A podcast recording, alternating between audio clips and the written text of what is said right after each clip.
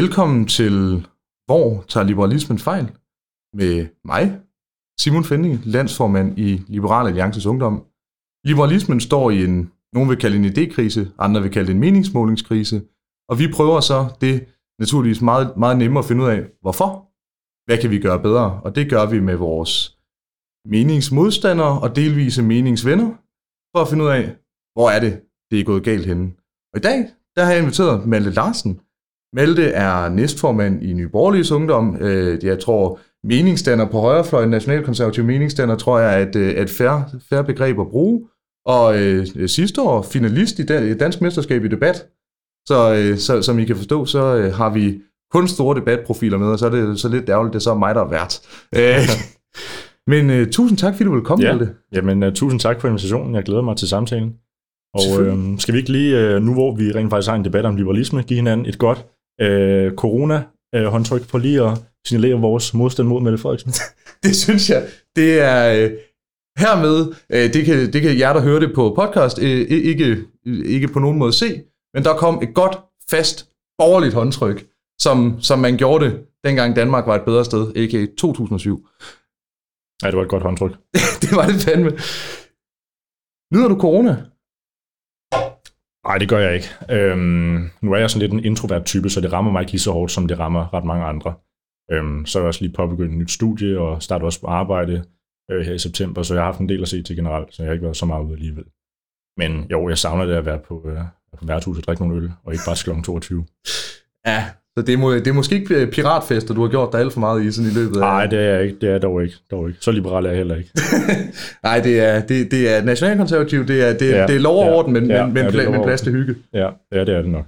Lad os, lad os sige det sådan. Så du har, du har nok at, at se til. Ja, det, det vil jeg sige. Men jeg glæder mig rigtig meget til, at vi åbner lidt mere op, og håber, at vi har set de værste restriktioner, at vi kan begynde at gå i den rigtige retning nu. Ja, for I har jo altså, øh, øh, både NBU, men også Moderpartiet har jo markeret sig sådan ret stærkt på Ja, øh, det må man corona, sige. og er jo også, hvis jeg kan tolke en meningsmåling rigtigt, gået, øh, gået meget stærkt frem. Ja, det gjorde I ja, også før, men ja. endnu mere nu, ikke? Ja, ja, både i meningsmåling, men sådan set også i forhold til medlemmer. Øh, bare i Nye Borgerliges Ungdom er vi gået fra, jeg tror omkring 200 til 600 medlemmer siden øh, corona-nedlukningen. Så vi har jo virkelig fået rigtig mange nye medlemmer, uden rigtig at kunne holde nogle arrangementer. Og det er jo super ærgerligt, at vi har fået så mange, uden rent faktisk at kunne tilbyde dem noget for pengene og for medlemskabet. Øhm, så vi glæder os rigtig meget til, at vi, til, at vi kan få holdt nogle, nogle større landsarrangementer. Glæder os til at se nye mennesker og få gang i det ungdomspolitiske. Ja, det er vel også altså øh, til, til dem, der ikke er ungdomspolitisk engageret, jeg tænker også fra et DUF, øh, et finansieringsperspektiv, Også det, ja. er det, jo, er det jo heller ikke dumt at komme over 500 medlemmer, fordi så begynder man lige pludselig ja, at ja, ja. komme op i en, en klasse, hvor øh, der falder gode offentlige midler af. Ja, det, det er, er præcis. Vi er også i gang med at arbejde på vores, øhm, på vores DUF-midler. Først så skal vi jo have vores indslusningsstøtte, øhm, som vi skal søge her til juni, og og derefter skal vi så kigge på den, øh, den rigtige øh, DUF-driftstilskud. Øhm, der er dog en del øh, krav for at få den, øhm, så det er vi i gang med at kigge på. Ja, I har, I har overhældet alternativet inden, om de er i gang med at miste deres, ja, I er i gang med at få ja, deres. Ja, ja. Så there can only be one. Fedt. Jamen, det, er jo, det er jo godt at høre. Godt at høre, det, det går godt. Jeg kunne også forstå, at øh, Nye Borgerlige øh, er det, hvad er det tredje største parti mål på medlemmer nu? I Ja, Danmark? vi har rigtig mange medlemmer. Jeg tror, vi er lige omkring de 17.000. Sidst jeg hørte, det var en lille måneds tid siden, der var vi på 16,5. Så øh, det undrer mig, hvis vi var oppe på omkring 17.000.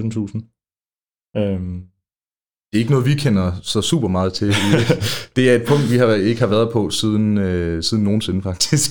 Og heller ikke, heller ikke i nærheden af, ja. Ja. hvis, hvis min hukommelse jeg ikke tror, svigter. Venstre har omkring 20.000. Det er omkring, øh, Socialdemokratiet, de har, de har væsentligt flere. Forståeligt nok. Men Venstre har vist også stadig nogle flere end os. Det er jo også hele fagbevægelsen. Det, er jo, øh, Ja, det, ja, det det, klart. det følger jo med. Ja, jamen, og alle formændene for de ungdomspolitiske fagorganisationer, de er jo også alle sammen DSU'ere. Altså, det Ja. er jo... Ja, det er rigtigt. Det er rigtigt. Men der er selvfølgelig ingen interessekonflikter, det er jo vigtigt at understrege. Mm. Den slags, det, Ja, det har man ja. slet ikke på venstrefløjen. har, jeg, har jeg hørt øh, fra folk, der er på venstrefløjen. Men hvad, altså, hvad tror du, det skyldes, at, altså, at, det, at det går altså godt? Det er jo altså en ting, er, at Ja. det går også dårligt, men altså, Ja. Nye Borgerlige er jo, og, og Nye Borgerliges Ungdom er jo nationalkonservative. Hvordan, hvordan tror du, det kan være, at I er gået så meget frem, som I nogle gange er? Det tror jeg, der er rigtig mange forklaringer på. Øh, først og fremmest, så har vi en politik, som der er efterspørgsel efter. Altså den her højorienterede, liberale økonomiske politik og fordelingspolitik, øh, koblet sammen med den her Dansk Folkeparti værdipolitik med en stram udlændingepolitik, og så også en udlændingepolitik, der rent faktisk sætter nogle øh, reelle, ufravillige krav øh, til en regering, der vil have vores stemmer. Øhm, altså vi mener jo, at Dan, Dansk Folkeparti fejlede tilbage øhm, i 2015 og også i 18, øh, både med migrantkrisen og også med Marrakesh-aftalen. Vi mener, at Dansk Folkeparti øh, skulle have sat Lars Løkke stolen for døren øhm, og krævet, at han øh, rent faktisk førte den politik, som Dansk Folkeparti ønskede. Altså at vi ikke skulle tage imod øh, migranterne, at vi ikke skulle underskrive Marrakesh-aftalen. Øhm, og det var sådan set også øh, den formelle årsag til, at Nye Borgerlige oprindeligt blev stiftet. Øh, det var tilbage efter øh, migrantkrisen i slutningen af 2015. Så det er måske den ene årsag. Den anden årsag, tror jeg, det er, at vi har nogle øh, smadret dygtige politikere i Nye Borgerlige. Altså, jeg synes virkelig, at vores fire politikere gør det fremragende. Niel Vermund er hammerdygtig, Lars Bøge er virkelig, virkelig en ejendomlig og fremragende dygtig politiker. Mette Thiesen er også virkelig, virkelig dygtig og en empatisk og varm øh, politiker. Og Peter Seier er også virkelig, virkelig ekstremt vidende og begavet om det, han taler om. Så jeg tror, vi har nogle fremragende dygtige politikere, der også komplementerer hinanden rigtig godt, øhm, og som tiltrækker mange vælgere. Så tror jeg også bare, og det er jo en, kendskærning, at vi gør det ekstremt godt på sociale medier generelt. Vi får virkelig mange likes i forhold til andre politiske partier. Og vi har også sådan overordnet set nærmest revolutioneret brugen af sociale medier for at føre politik øhm, på adskillige punkter. Eksempelvis ved at lægge et selfie op, når man på et politisk Facebook-opslag, øhm, ved at skrive øh, kommentarer på andre politikere og mediers øh, Facebook-opslag og sådan noget. Det har vi også haft ret stor succes med. Ja, for jeg kunne også forstå på, øh, altså ikke at det er en mand, jeg snakker med privat, men Lars Kåber, mm-hmm. øh, pressechefen, at, øh, at han, han også siger, at en stor del af jeres succes kommer af, at I ikke, før I så kom i Folketinget, har haft den, det, det talerør, som, som andre partier helt naturligt har haft, og, og derfor er I, hvad kan man sige, børn af sociale medier, altså I er, mm. I er, I er startet under sociale medier, ja. og ikke ja. har skulle vende jer til, ja, præcis. hvordan det fungerer. At der er altså sådan en mand som Lars Bøje, som jo, øh, som jo er gamle LA, og, og i øvrigt en super, mm. super fin fyr, og vi, vi mødte ham også, øh, ja, øh, dem der var til det fysiske landsmøde for, for LA i Aarhus, mødte vi ham jo udenfor. Han er jo en, øh, han er en hjertevarm gut. Jeg har ja, mødt han er en skøn uh, Pernille og Mette, men har arbejdet ja, samme sted ja, som Peter Sejer og også ja. drukket, drukket en øl med ham. Ja. Han er jo, han er jo, hvad skal vi sige, han er jo jeres sådan Henrik Dahl. Altså han er, han er sådan den mere introverte type, ja, type ja, virker det ja. til. Super, super skøn mand også, og virkelig, virkelig vidne og begavet. Ja, han. Desværre ja. bror til ja, ham, der ejer FCK, men altså man kan jo ikke, man kan jo ikke vinde på alt, kan man sige. Fucking Parken Sport og Entertainment. Nå. Men man kan sige, nu har vi jo fundet ud af, hvorfor det er gået jer godt. I øvrigt en forklaring, ja, jeg som tror også, jeg... der er nogle flere forklaringer, men det tror jeg sådan, de, de tre største forklaringer, det er, vi har et politisk projekt, som der er efterspørgsel efter, vi har nogle smadret dygtige politikere, og vi er super gode til at kommunikere og bruge sociale medier. Det tror jeg måske er de sådan, tre største årsager. Jamen, jeg tror, altså noget af det, I jo også er lykkedes med, som, hvad kan man sige, også var det, som LA dengang, øh, det gik bedre, end det gør nu, øh, er lykkedes med, som jeg også tror er en af grundene til, at LA jo trods alt nu går frem, er, at der er nogle meget klare budskaber. Altså, der er ikke den der politikerspeak, man kan sige. Noget af det kan jo så også eksporteres til, at når man, når man er, øh, altså højrefløjen så også relativt langt ude på højrefløjen, og der er en socialdemokratisk regering, er det, er det jo også, bliver man måske ikke stillet lige så meget til ansvar, men, men, men folk, hvad kan man ja, sige, ja. what you see is what you get. Ja, ja. Der, er ikke, der er ikke noget øh, ruskum snusk med at gå med i nogle aftaler, som, øh, det tror, som man fortryder bagefter. Ja, generelt tror jeg, det er min analyse. Nu ved jeg ikke så meget om politik, og har ikke så meget erfaring, men det er min analyse, at det generelt er lettere at være i opposition, end at være, end at være støtteparti eller sidde i regeringen ofte. Man kan kritisere og skulle ikke rigtig stå til ansvar for særlig meget. Så Altså det der argument med, vi trækker i den rigtige retning, det kan jo godt være, at det rent realpolitisk giver mening, men det er med svært at, at forklare til nogle ja. vælgere ja. Ja. Øh, med epidemilov og så videre. Altså, det er meget svært at gå ud og sige, jamen, det er ikke muligt, det er en dårlig lov, men vi har stemt mm. for den, fordi så kunne vi få X, Y, Z. Der, ja. der giver det, af mit indtryk, en, en større pondus at kunne gå ud og sige, vi er ikke med i den her aftale, ja. og grunden til, at vi ikke er med i den her aftale, er på grund af X, Y, Z. Det, det kan folk nemmere købe sig ind på et eller andet sted. Ja, det er jeg enig med dig i. Så har vi jo fundet ud af, hvorfor det går jer godt. Det er ikke et problem, vi har, at det går super godt. Nej. Øh, og, og her tager jeg Og jeg har da fået nogle OK positive meningsmålinger på det seneste. I havde to stykker på, hvad var det, 3,2 deromkring? Ja, vi har haft tre nu, 3, 3, 3, 3, 2, 3, 3, og det er jo... Øh, ja. Det begynder at bevæge sig ja, ja. væk fra spærregrænsen, og det er jo... Øh, det er positivt. det er jo det første mål, ikke? Men med et venstre, der er, ja, hvad de, de vil halveret. Ja, de ligger der omkring en, mellem 9 og 10, 11, 12 stykker i meningsmålingerne. Ja, det er jo ikke uh, imponerende. Det er, Nej, jo, det, uh, det er jo, må man sige. Er jo næsten radikale. Uh, I hvert fald nogle, nogle vækstrater, som, uh, ja, ja. så, som er ret imponerende Ja, på den dårlige måde. Og du er jo, altså hvad kan man sige, I har jo, I har jo elementer af liberalisme Ja, ja, i, øh, præcis. i jeres økonomiske Præcis. politik, men du, efter min bedste overbevisning, definerer jo ikke dig selv som Nej, liberal. nej. Nej, det gør jeg ikke. Øhm, altså, hvorvidt jeg er liberal, det er måske ikke så let at svare det sådan helt sort-hvid. Altså, jeg er jo liberal på nogle punkter, øh, fordelingspolitisk, som du også nævner. Altså, jeg ønsker jo markant øh, færre og lavere skatter, færre afgifter, øh, mindre regulering, og at borgerne generelt skal langt mere frihed, og politikerne, politikerne skal bestemme mindre. Øhm, men jeg betegner alligevel ikke mig selv som liberal. Øhm, og det gør jeg ikke, fordi at jeg overhovedet ikke ser mig selv som liberal på det værdipolitiske. Der ser jeg mig selv derimod som konservativ. Øhm, jeg, jeg ser i hvert fald virkelig ikke mig selv stå inden for de politiske, værdipolitiske holdninger, som jeg ser i de nominelt liberale partier, såsom Venstre og Liberal Alliance. Øhm, og det er særligt i forhold til indvandring, øh, menneskerettighedssystemet, EU osv. Der er jeg jo væsentligt mere kritisk over for, for de punkter. Øhm, Ja, det, det giver jo... Øh, det giver jo god mening. Jeg havde også øh, næsten forventet, at du vil, øh, at du vil nævne, nævne øh, udlændingområdet osv. Ja. Ja. Det første, jeg jo tænker, er, er det ikke svært som nationalkonservativ konservativ, altså at, øh, at kæmpe for, hvad kan man sige, et, et nationalt fællesskab, også i større grad end, end liberale gør. Dermed ikke sagt, at liberale er ligeglade med det, men, men det er jo, som det næsten ligger i ord, det er jo ikke vores sådan, første prioritet. Ja. Kan det ikke være svært at opnå det med en lille stat? om det kan være svært at, at, at føre sådan nationalkonservativ politik i en lille stat? Ja, Øhm, det tror jeg faktisk ikke. Jeg tror faktisk måske snarere, at det faktum, at vi er et forholdsvis, eller i hvert fald at Danmark, ikke Danmark som kongerige, men, men Danmark er et forholdsvis lille land, det tror jeg måske nærmere styrker os og styrker det nationale konservative projekt, fordi at der er en højere grad af homogenitet, kulturel homogenitet, øh, i det, som nu end er Danmark, og fordi vi er så lille et land. Ikke? Altså i modsætning til, øh, til et land som USA eller sådan noget, Tyskland eller Frankrig, der er måske sådan større diversitet, hvis jeg kan tillade mig at bruge sådan ord det, det kan du godt. intern kulturel øh, diversitet. Øhm, men Danmark er et forholdsvis homogent folk, og det tror jeg delvist er på grund af, at vi ikke er så stort. Øhm, og det tror jeg også gør det lidt lettere at øhm, hvad kan man sige, føre nationalkonservativ politik, hvor man taler om det nationale fællesskab, som vi er, øhm, og, og den kultur, de kulturelle sædvaner, som er karakteristisk for Danmark, de traditioner, vi lever med osv., som de fleste danskere kender til, øh, fordi vi er jo et forholdsvis lille land alligevel. Men kan, altså, det, det jeg nogle gange overvejer, fordi jeg, jeg følger jo i nyerne med på Facebook også, og der er jo, Mm. Altså, det virker til nogle gange, at det, I bliver angrebet på, at det skisme mellem øh, at kæmpe for danske værdier, og så dem, hvad kan man sige, det er jo ofte folk, der går i rullekravsvætter, der, øh, der argumenterer for, at danske værdier, det er empati, medmenneskelighed, den Mm. slags, skal vi sige, lidt, lidt blødere, lidt mere radikale værdier. Humanistiske værdier. Det, det kan du godt kalde det. Øh, Mm. er, er, der, er der ikke nogen gange et, hvad kan man sige, øh, et skred imellem de to ting? Altså hvis vi... Et mod, altså sådan et modsætningsforhold mellem øh, sådan særligt danske værdier og sådan mere humanistiske værdier, eller hvad? Jamen altså, der er jo nogen, som, øh, og nogen vil sige med rette, kæmper, altså mener, at danske værdier er nogle relativt humanistiske værdier. Mm.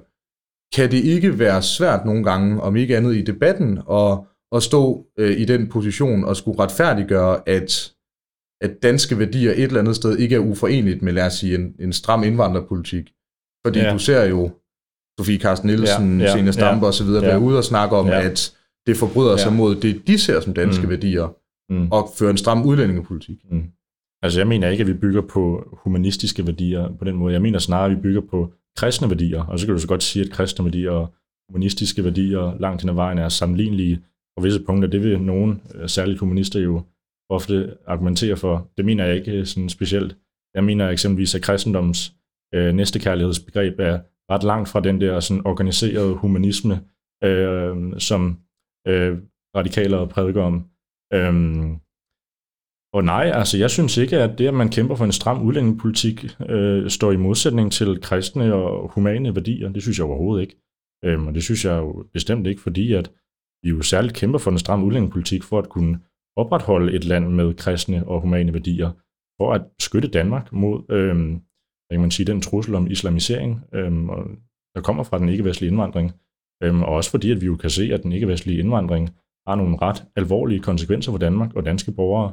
Altså det medfører jo rigtig mange øh, voldtægter og overfald osv. Øhm, jeg synes egentlig, det er meget humant og kristen, at man vil, øh, føre en politik, der øh, sigter mod at reducere antallet af, af voldtægter og overfald og generelt øh, nu, ja, skabe større tryghed og, og styrke sammenhængskraften i det danske samfund. Men kan, kan der ikke nogle gange øh, altså være et, hvad skal vi sige, et modsætningsforhold mellem det, og så altså eksempelvis at vil have et rigt og velstående og lav skat og sådan et kapitalistisk samfund, men samtidig være så relativt øh, skal vi sige, hård på det udlændingepolitiske område. Er der ikke en risiko for, at man mister nogle af de skal vi sige, drivkræfter, der ligger til grund for et kapitalistisk system? Altså øh, USA er et relativt godt eksempel på et land, hvor øh, indvandring af arbejdskraft har været ret essentielt i opbygningen mm. af deres økonomi. Er der, øh, er, er der et sted, hvor du måske ser et skred der? Eller i hvert fald nogle modsætningsforhold? Øhm, altså man hører jo forholdsvis ofte, eller har hørt øh, politikere på højrefløjen, øh, blandt andet fra Liberal Alliance, tale om, at det er nødvendigt med indvandring på grund af arbejdskraften osv., det har han brug for. Det er særligt sådan nogen som øh, Simon Emil Amitsbøl. øhm, det synes jeg ikke nødvendigvis. Jeg synes også, at, øh, at man ikke nødvendigvis skal, hvad kan man sige, føre den politik, som vil føre til størst økonomisk vækst. Jeg er selv ikke sådan super optaget af økonomisk vækst. Og det er delvist ikke, fordi at vi er så rige i Danmark, at, øhm, at flere penge ikke gør os lykkeligere. Altså, man når sådan en vist punkt, hvor penge bare ikke gør folk lyk- lykkeligere. Sådan rent statistisk set, det er der virkelig mange undersøgelser, der indikerer, at når man når op til et vist punkt af rigdom, så bliver man bare ikke lykkeligere af at have flere penge. Øhm, men derimod så tror jeg, at vi kan blive lykkeligere, hvis vi fører en stram udlændingepolitik, hvis vi får flere øh, kriminelle udlændinge udvist, og hvis vi skaber et, et tryggere og bedre samfund. Øhm, ja. Jamen, det, man, altså man kan jo argumentere for, at det fører jo også til en tillid, og tillid jo også er mm. i, i små øh, åbne ja, økonomier. Ja, er, ja, øh, præcis. Er, er væsentligt, man kan sige. Det giver jo mening, at altså det, det er klart, det er jo ikke 100% øh, forenligt. Altså man, man kan ikke både vil have en ekstremt stor vækst, men samtidig føre en meget stram udlændingepolitik. Altså det, det er i hvert fald svært at få begge ja, dele altså hvis, man ikke, hvis, man, hvis der ikke er en masse kompetente og kvalificerede, veluddannede udlændinge, der stiller sig til rådighed, ja, så er det jo sådan lidt svært, kan man sige. Jo, men altså alle de syriske flygtninge, de var raketforskere ja, og hjernekirurger og så videre. Det, det, altså, det, det, det er ufatteligt ja, meget. Ja, jeg har til gode at se dem, men uh, jeg er sikker på, at de arbejder hårdt derude. De arbejder ja. hårdt hele tiden. Ja. De, øh, de, ja. når folk ryger på operationsbordet. Det kan være, at vi får en, uh, en ny uh, Elon Musk i sådan en uh, syrisk indvandrer, man ved jo aldrig. Ja, det, vi håber, vi ja, håber. Jeg ja, ja. satser på, at min næste elbil skal komme ja. fra, fra IKAST-området. Ja, ja, præcis. kan man næsten håbe, ikke?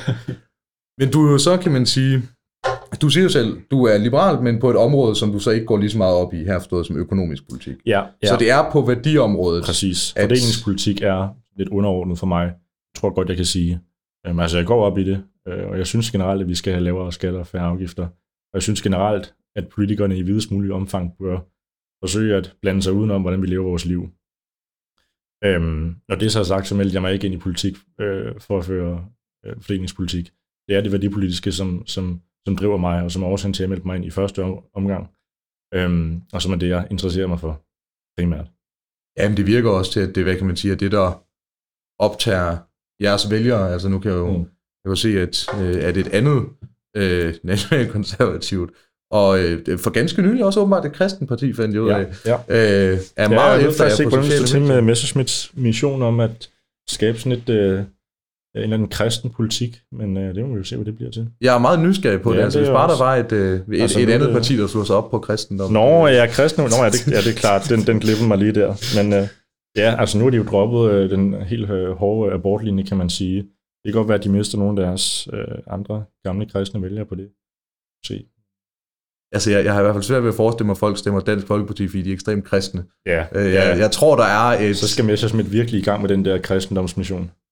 Ja, og det, altså indtil videre virker det jo ikke til, at det går så godt, men Nej. det virker også til, at de fører en, jeg vil ikke sige en krig, øh, jo, ved du, det vil jeg faktisk gerne sige. Det må du gerne bruge, øh, for de det er også en, jeg bruger. En, en, øh, en ja, krig ja, mod jer, særligt de, på sociale medier. Det gør som, de nemlig. Det er jo generelt fedt at se, hele boomer-generationen har meldt sig ind i samme parti og kørt de ja. samme, samme ja, ting, ja, med old white men Danmark. Jeg tror, Søren Espersen, han har, jeg tror, han har slået fire eller fem opslag op om nye borgerlige øh, i den seneste uge. Og der handler det jo næsten hver gang om jeres økonomiske politik. Ja, ja. Det handler om, at vi har en usolidarisk og umenneskelig øh, økonomisk politik, som vil undergrave velfærdsstaten og være til enormt stor skade for de ældre, som kommer til at leve uden nogen penge. Og det er bare hyperliberalisme og ønske 40% skat. Ja, det er jo fuldstændig vanvittigt. Ja, det, det, hvis bare de kunne huske dengang, de selv mente det. Ja, ja, ja det, det var endda 30 procent, tror jeg, tilbage i 1997, hvis jeg ikke tager fejl. Ja, ja. ja. Det, ja. De, de skrev et uh, dengang meget liberalt principprogram, ja. men ja, ja. den slags kan man kan man jo gå væk fra, men det virker ja. jo også til, når de slår de ting op, ja. at, at, at jeres vælgere reagerer ikke, ikke på det. Altså, hvilket jo er positivt for jer, og selvfølgelig ja, også lidt ja. træls for, for Dansk Folkeparti. Jeg tror faktisk også, hvis vi skal være helt ærlige, der er en del, en del DF-vælgere, som kommer over til os, bare fordi de er pissehammerne trætte af, at Dansk Folkeparti skal kaste mudder på DF og bruge deres partikroner på Inger Støjberg-annoncer, i stedet for rent faktisk at vinde deres tabte stemmer tilbage over midten, så vi kan få et blot flertal igen. Når, det er det jo. Når det så er sagt, kan jeg få en ny øl? Ja, selvfølgelig. selvfølgelig. Jeg er sådan en, der rigtig godt kan lide at drikke øl, mens jeg øh, har politiske samtaler. Kender, kender. Ja. Jeg kan også godt lide at drikke øl, når jeg ikke har politiske samtaler. Så Jamen det, det er bare sådan en generel passion, ja. jeg har. Oh, øh, og den? Det er, det er en han. Ja, øh, så. Nej, at, øh, altså det, det, det virker på en eller anden måde til, at øh, misforstår nu ikke, men at jeres vælgere måske heller ikke, at, at de står lidt samme sted som dig, at, at de reagerer ikke på, på det der sådan, hvad kan man sige, sådan argument om, om sådan anarkokapitalisme mm. og, øh, ja. og undergravning af velfærdsstaten. Altså Dansk Folkeparti ja. også har kørt kampagner på, at I har en for, for socialistisk skattepolitik, og det virker ikke til, ja. at jeres vælgere på den nej, måde nej, nej. går op i det. Ja, jamen jeg, har, jeg tror, at de fleste vælgere har gennemskuddet Dansk Folkeparti. De, øh, de er desperate og, og forsøger at køre alle mulige åndssvage skræmmekampagner om Nyborgerligs økonomiske politik, som i bund og grund ikke fungerer. Jeg tror heller ikke, det er, jeg tror simpelthen ikke, det er derfor, ja. folk stemmer på Nye Borgerlige. Altså jo, der er, ja. der er sikkert nogen. Ja, jeg, jeg synes heller ikke lige umiddelbart, at man kan se, øh, at, at Dansk Folkepartis øh, anti-NB-kampagner øh, resulterer i nogle gode meningsmålinger overhovedet. Øh, Nej, hver gang. synes jeg ikke, at jeg har lagt mærke til nogle positive målinger for DF. De ligger jo der omkring de 5-6 procent hele tiden. Ja, hver gang, da, hvis du ser de der opslag, øh, altså Lars Bøje, Pernille Vermund, så er, det, er, er der jo altså inden for ja, 30 ja. sekunder. Altså, og de får så... altid væsentligt flere likes ja, ja. end selve opslaget. Ja, ja, og det er altså, klart, det er en lidt ærgerlig ja, dynamik. Ja. Ja, ja, så får opslaget 500 likes, så får Lars Bøjes kommentar 2.500 likes. Ikke? Det, det, det er sådan noget, der ofte forekommer. Ja, det, det, det må være lidt ærgerligt øh, at, at være DF, og sådan ja. helt generelt faktisk. Altså, jeg, jeg kender selv til at have til at være i et parti, ja. Der, øh, der, der engang sad på de afgørende ja. mandater, men som ja. lige nu har, skal vi sige, færre afgørende mandater, end vi måske gerne vil have. Men du går jo så op i værdipolitikken. Jeg ved ja. godt, du også går op i den økonomiske, men, men vi har jo fået etableret, ja. at det er, det er på værdipolitikken, at du ikke er liberal. Ja. Og du, du fremhæver jo udlændingsspørgsmålet, EU-spørgsmålet, menneskerettighedsspørgsmålet. Den, den, den, den er jo sådan lidt nysgerrig på. Hele menneskerettighedssystemet, det er faktisk et af de politiske anlægner, som jeg går allermest op i.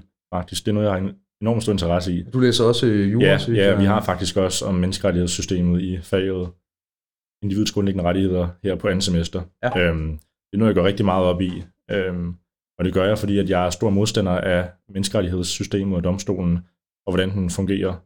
Øhm, jeg mener, at det undergraver vores demokrati ved at træffe politiske beslutninger hen over på vores politikere, selvom, de egentlig, selvom der egentlig ikke er flertal blandt den danske befolkning eller danske folkevalgte til de, politiske, til de politiske beslutninger, der bliver truffet dernede.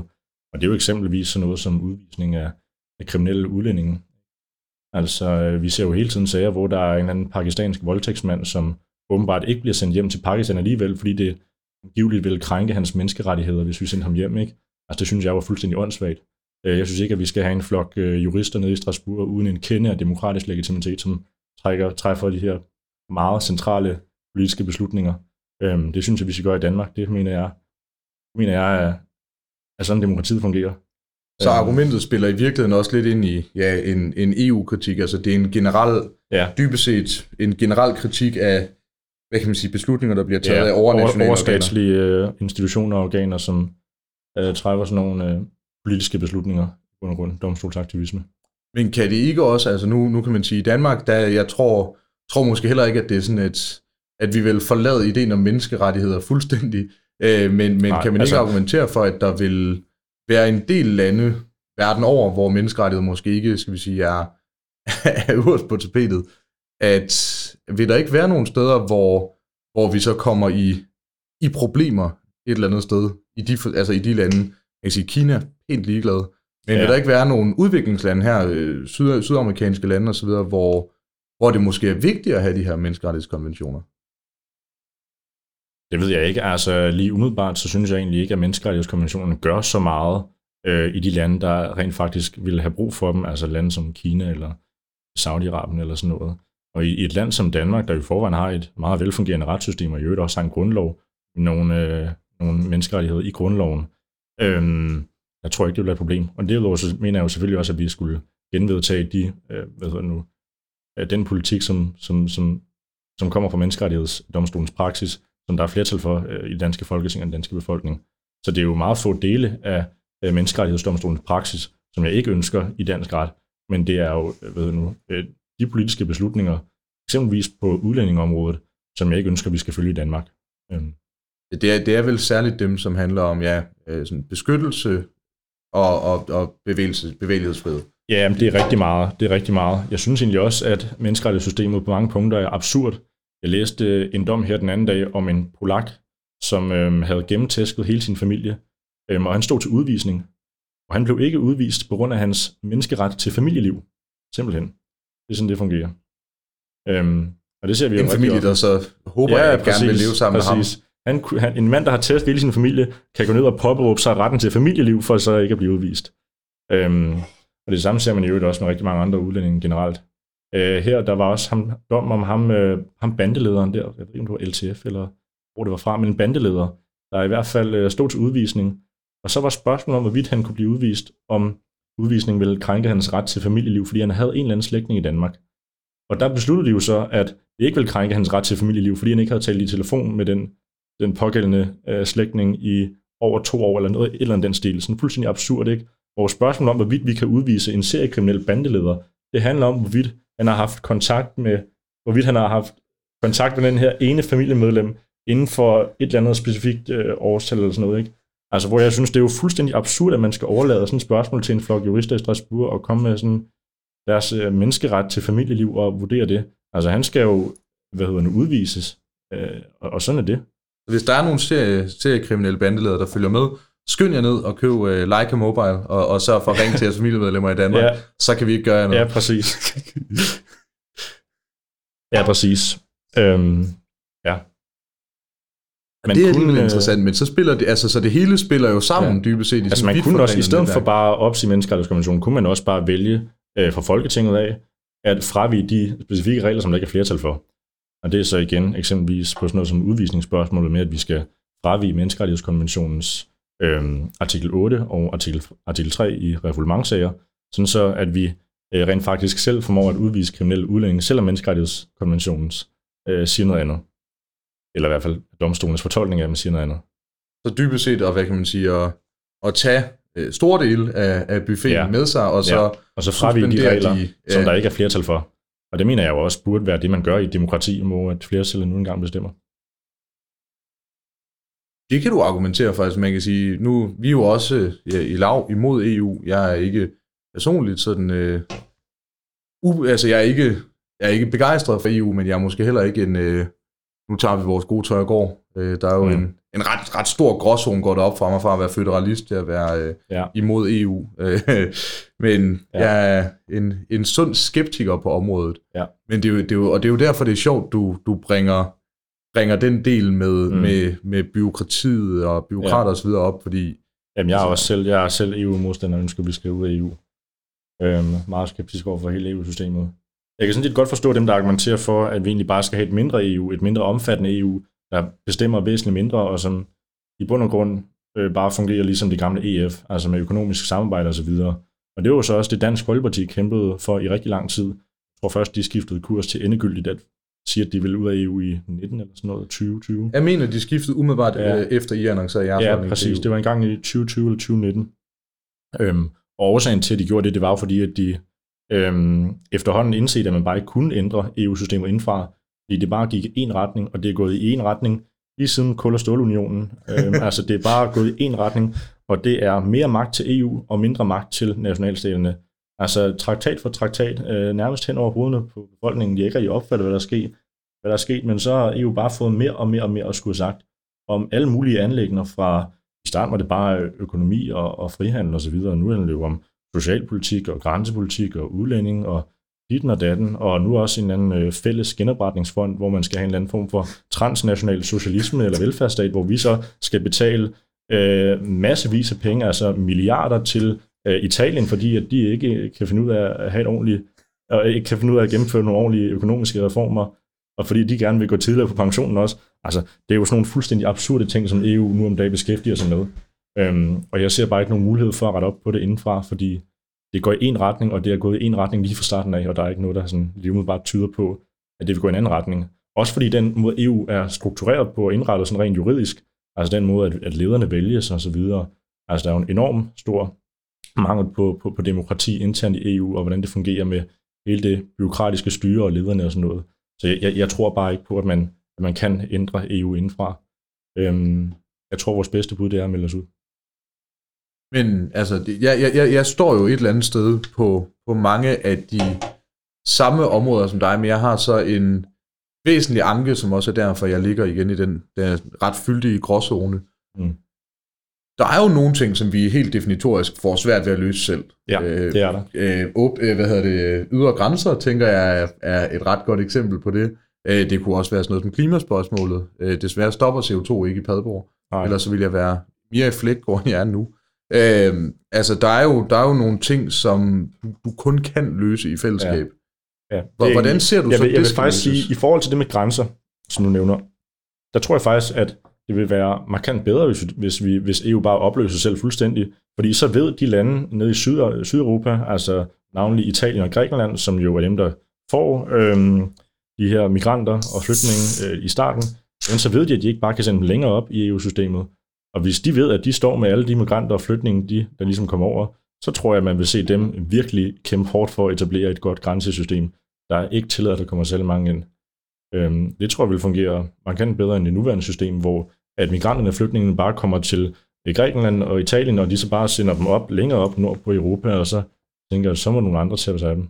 Og du er ikke bange for, at der vil komme, skal vi kalde det et slusesystem, hvor incitamentet for italienerne og grækerne vil være at sige, okay, fint nok, I kommer her, og så kan folk sådan set bare øh, pendle videre op. Øh, eksempelvis Tyskland med Via Schaffendas og så videre, er jo ikke lige så, øh, hvad kan man sige, lige så hardcore på indvandring. Der er i hvert fald et sådan lidt mere binært system der med, øh, med indvandringspolitikken. Du er ikke bange for, at det at lade det være op til landene selv, i ret høj grad vil stille os i en ret ærgerlig situation, fordi vi har den øh, meget øh, veludbyggede velfærdsstat, som vi har i dag. Du er ikke bange for, at der vil være nogle, skal vi sige, incitamenter, som gør, at lige pludselig, så, øh, så, så er vores motorveje befolket mere mennesker end biler? Nej, det, det tror jeg ikke. Ikke hvis alle lande, de rent faktisk op, opretholder øh, meget solid øh, grænsekontrol. Det tror jeg ikke. Og jeg tror også, at det vil sende et signal, hvis det er, at, at migranterne så ikke længere kan komme op til Europa, at det vil sende et signal til, til Afrika og til Mellemøsten, om at man altså ikke bare kan rejse op til, øh, til Europa og få øh, en masse penge og et, et lækkert sted at bo og en masse mad osv. Og, og det er jo også en af de enorme problemer. Altså, øh, Afrika er jo enormt stort og kommer til at... Jeg tror, de regner med, at der vil være omkring 4 milliarder afrikanere i år 2100. Øhm, så der kommer jo utrolig mange øh, afrikanere, som gerne vil til Europa. Og man må bare konstatere, at vi ikke kan, kan rumme øh, en milliard øh, afrikanere øh, her i Europa. Øhm, og det altså, ved jeg ikke. Jeg ved ikke, om du kender til FC Midtjylland. Men...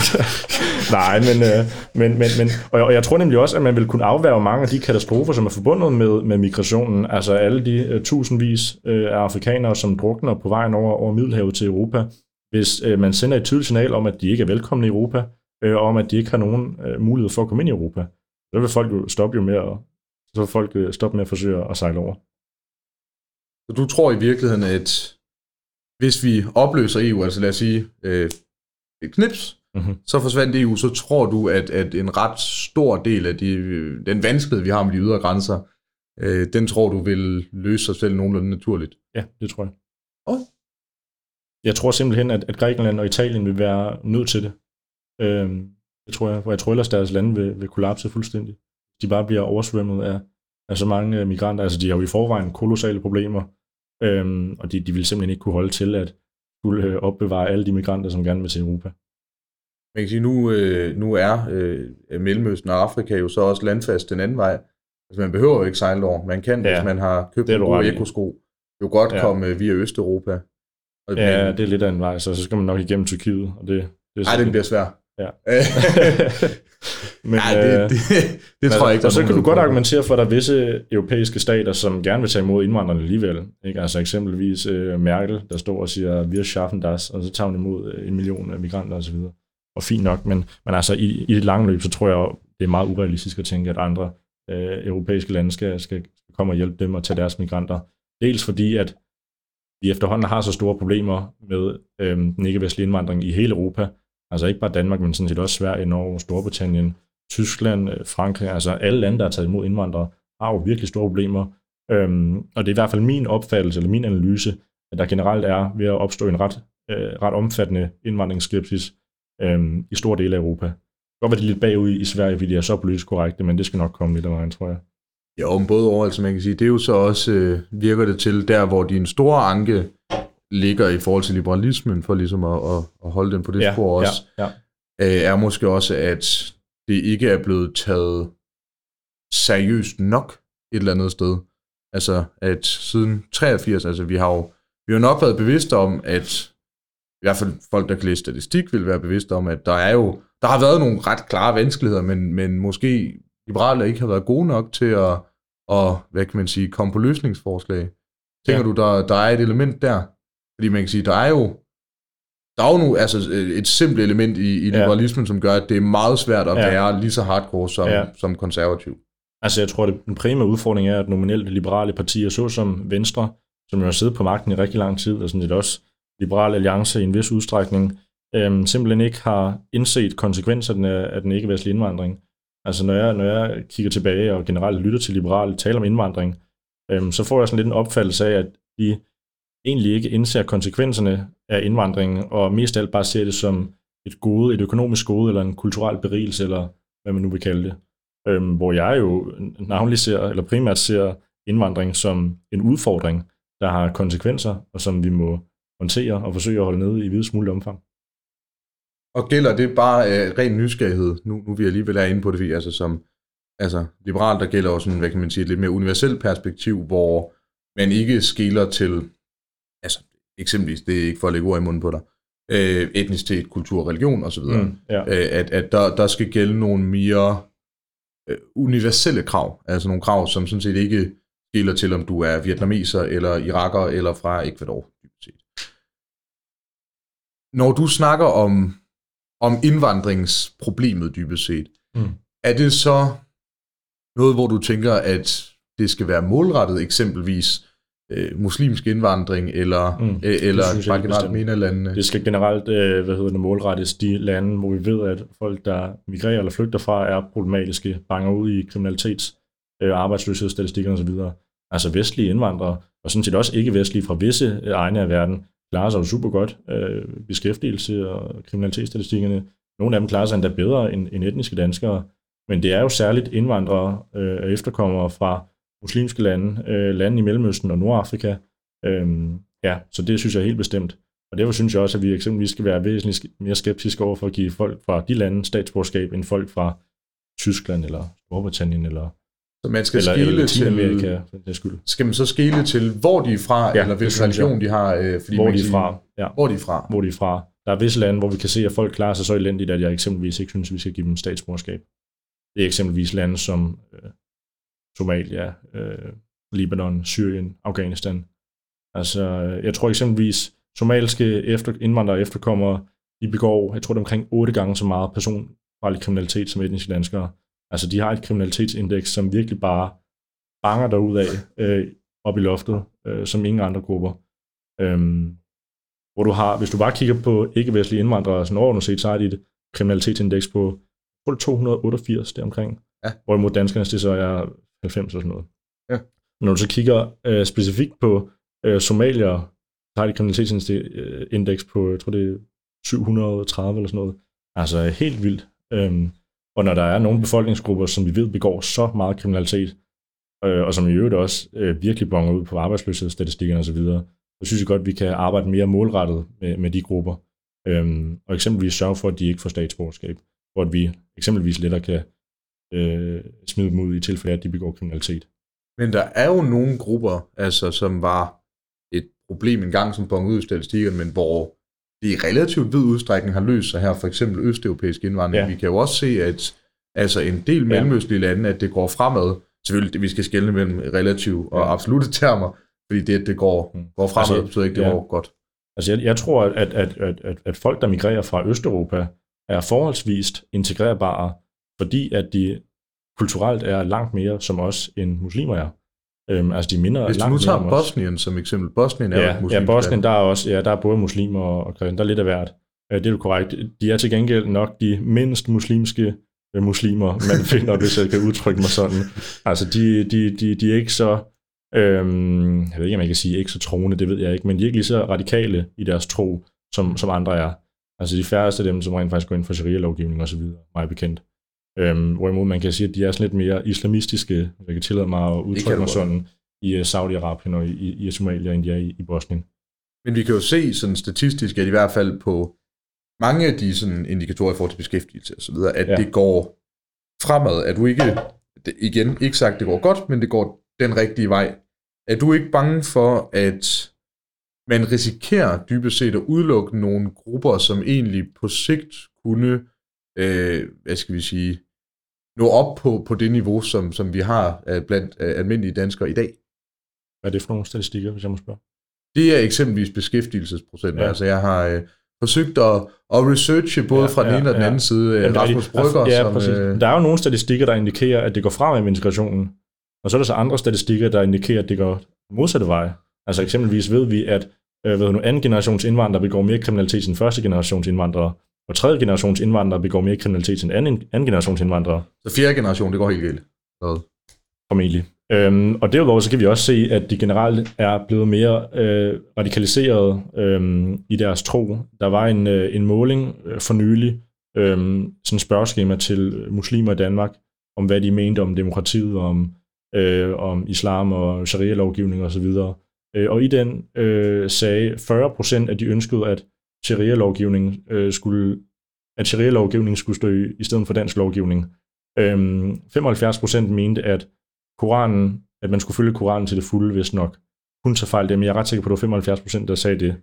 Øhm, og hvis du så sammen, og det er jo, der er jo øvrigt foretaget lignende undersøgelser i, i Tyskland, som er nærmest som er nærmest ens resultat, faktisk, sjovt nok. at Og hvis du så WSG sammenlig- i 2013, Tysk Socialforskningsinstitut, eller det kan være, ja.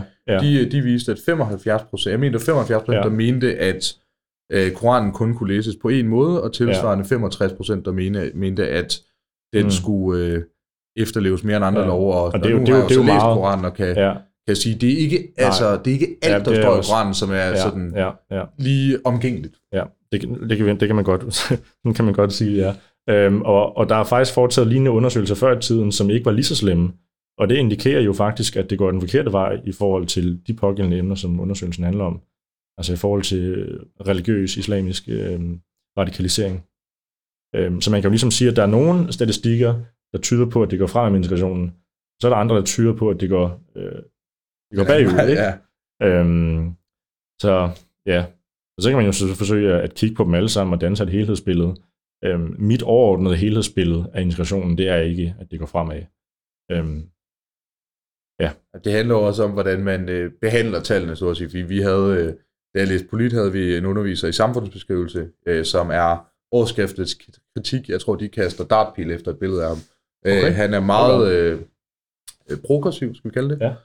Øh, og han, han lærte om, øh, altså, om metoder, og han var sådan, der er faktisk ikke nogen forskel øh, på danskere og indvandrere. Det er enten et spørgsmål om, hvilke spørgsmål man stiller, eller hvad man, hvad, altså, hvordan man måler det. han sagde, at der var ikke nogen forskel på danskerne og indvandrerne. Ikke, ikke nogen umiddelbart sådan signifikant effekt. Nå. Det er selvfølgelig også den samme mand, som udgav øh, en, en bog, hvor hans statistiske Okay. metode til at måle Ja. kriminalitet var, om folk havde begået kriminalitet Altså hvis, hvis, hvis, han, hvis han oprigtigt mener, at der ikke er nogen forskel på, hvor meget kriminalitet folk fra Somalia og etniske danskere begår, så ved jeg ikke helt, hvor troværdig jeg, jeg, jeg, jeg, jeg, jeg kan... Han har, han har er. skrevet en bog, der hedder Nydansk. Det var den samme bog, hvor han opgjorde kriminalitet som værende begået i et kalenderår, hvilket gør, at første i første hvert år er mega fedt, fordi der eksisterer kriminalitet slet ikke.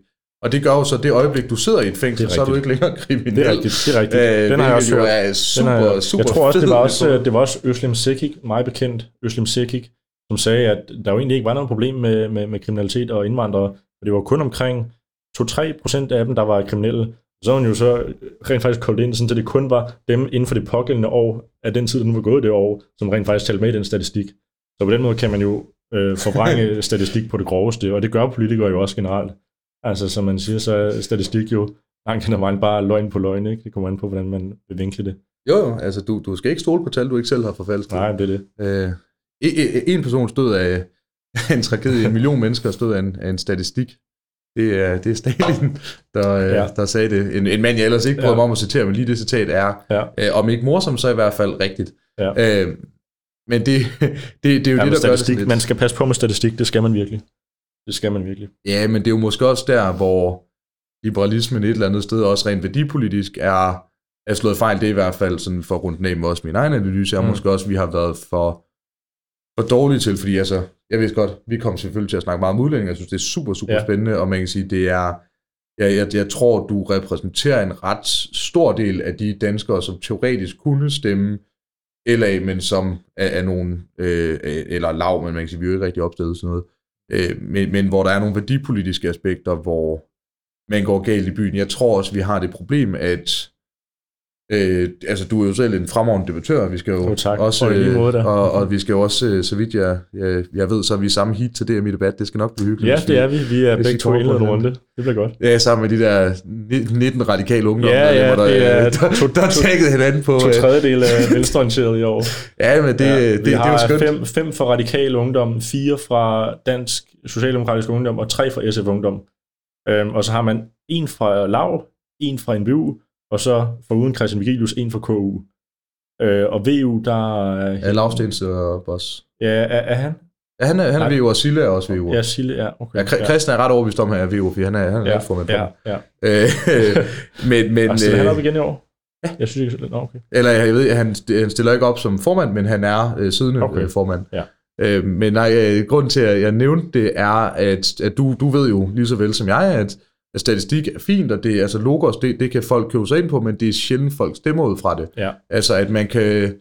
Der er måske en risiko for, at man kan forfalde til det, jeg plejer at kalde regnaksliberalisme. Mm, At, det er helt enig i. at man kan snakke om Ja. Eksempelvis BNP kan være to ting. Det, Ja. kan være, det kan være vækst for mennesker, det kan være en, en øget tryghed i kraft af, at du har et større, Mm. mm. større rådrum, sådan privatøkonomisk, men det kan også være et tal, der står i en finanspolitisk redegørelse. Ja, ja. Og der er meget langt mellem de to ting. Ja, jamen det er generelt ikke særlig sexet at hive, debat, at hive sådan nogle øh, tunge statistikker op til debatter.